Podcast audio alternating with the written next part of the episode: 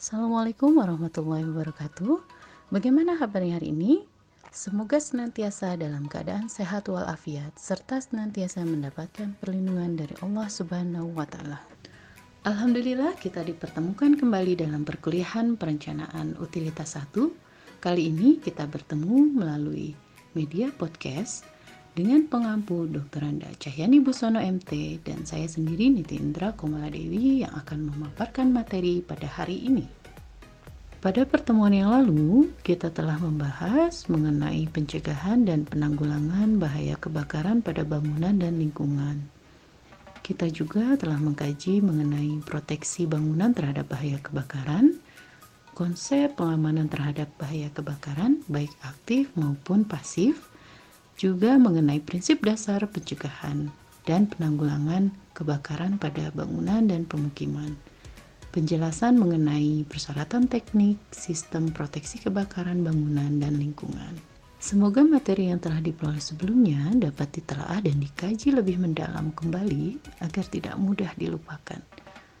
Karena seorang arsitek tidak hanya sekedar menciptakan keindahan, tetapi juga harus mampu mewujudkan keamanan dan kenyamanan dari sebuah bangunan yang dirancang melalui sistem utilitas yang didesain dengan baik. Pada pertemuan kali ini, melalui podcast ini, kita akan beranjak pada materi selanjutnya yang tentunya masih berkaitan dengan sistem perencanaan utilitas pada bangunan. Selama beberapa menit ke depan, kita akan menyimak materi lanjutan mengenai sistem sanitasi dan drainase. Melalui pengantaran materi ini, diharapkan mahasiswa mampu memahami prinsip dasar mengenai sistem pembuangan dan penyaluran air limbah. Dan juga mahasiswa diharapkan dapat merancang sistem pembuangan dan pengelolaan drainase. Namun tentunya materi tersebut tidak akan disampaikan seluruhnya pada pertemuan hari ini Materi akan dibagi ke dalam beberapa pertemuan untuk membahas mengenai sistem sanitasi dan drainase. Melalui podcast ini, materi akan disampaikan mengenai pengantar sistem sanitasi dan drainase serta klasifikasi sistem penyaluran air limbah dan drainase.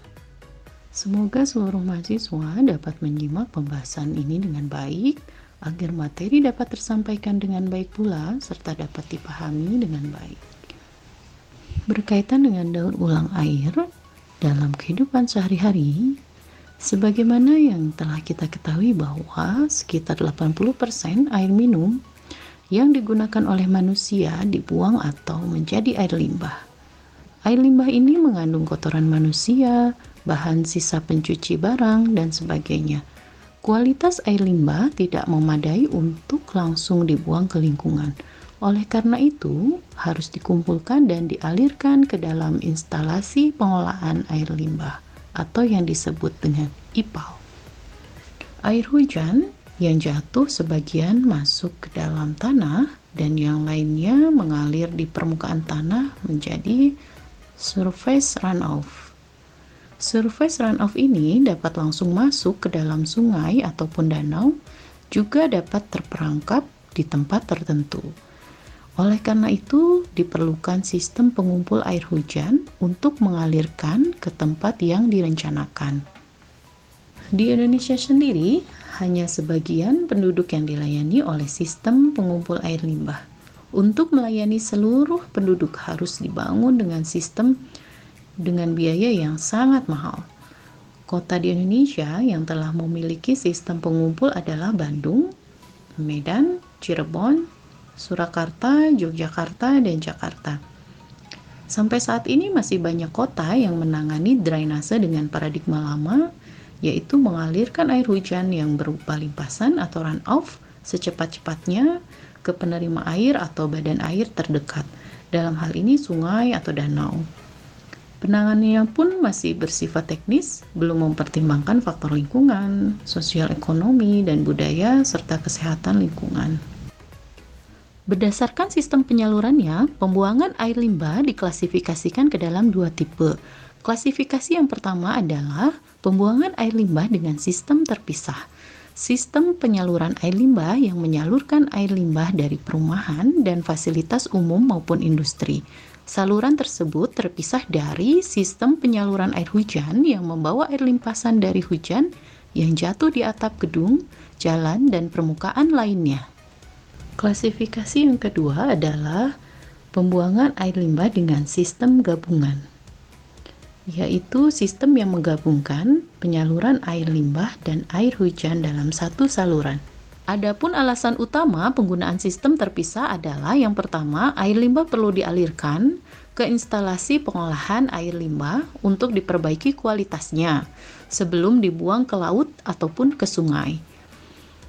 Yang kedua, sistem perlu direncanakan untuk melayani aliran maksimum. Jika air hujan turun, sistem gabungan akan menerima aliran 50 kali dari aliran normal. Hal ini berarti instalasi pengolahan harus direncanakan dengan ukuran yang dilebihkan atau air limbah akan meluap dari sistemnya dan masuk ke dalam sungai. Dalam pengelolaan limbah domestik dikenal sistem pengolahan terpusat atau offsite sanitation dan sistem pengolahan setempat atau on-site sanitation. Pada sistem offsite, sistem yang mengolah limbah dengan menyalurkan melalui sewer atau saluran pengumpul air limbah, lalu masuk ke instalasi pengolahan terpusat. Sedangkan pada sistem onsite, sistem yang mengolah air limbahnya secara individu di dalam site-nya masing-masing, misalkan dengan menggunakan tangki septik. Pada sistem offsite, sistem yang mengolah limbah dengan menyalurkan melalui sewer atau saluran pengumpul air limbah, lalu masuk ke instalasi pengolahan terpusat. Sedangkan pada sistem onsite, sistem yang mengolah air limbahnya secara individu di dalam site-nya masing-masing, misalkan dengan menggunakan tangki septik. Namun pada aplikasinya masih banyak masyarakat yang belum mengetahui atau memahami tentang sistem distribusi pengolahan air limbah dan drainase yang baik dan benar. Sehingga di sinilah tugas dan peran seorang arsitek dalam merancang juga tetap memelihara lingkungan binaan melalui konsep perencanaan utilitas yang baik. Temuan hari ini materi telah disampaikan. Alhamdulillah kita mengakhiri sampai di sini. Insya Allah saya rasa cukup. Selanjutnya akan disampaikan materi mengenai faktor-faktor perencanaan dan perancangan sistem penyaluran air limbah dan drainase, serta bagaimana merencanakan dan merancang sistem penyaluran air limbah dan drainase yang akan dibahas lebih jelas pada pertemuan selanjutnya. Silakan Anda dapat mempelajari terlebih dahulu terkait dengan materi tersebut sehingga dapat kita jadikan bahan diskusi pada pertemuan selanjutnya. Pertemuan hari ini saya rasa cukup, lebih dan kurangnya saya sampaikan terima kasih telah mengikuti dan menyimak materi perkuliahan pada pertemuan hari ini dengan baik. Sampai bertemu kembali di perkuliahan selanjutnya. Wassalamualaikum warahmatullahi wabarakatuh.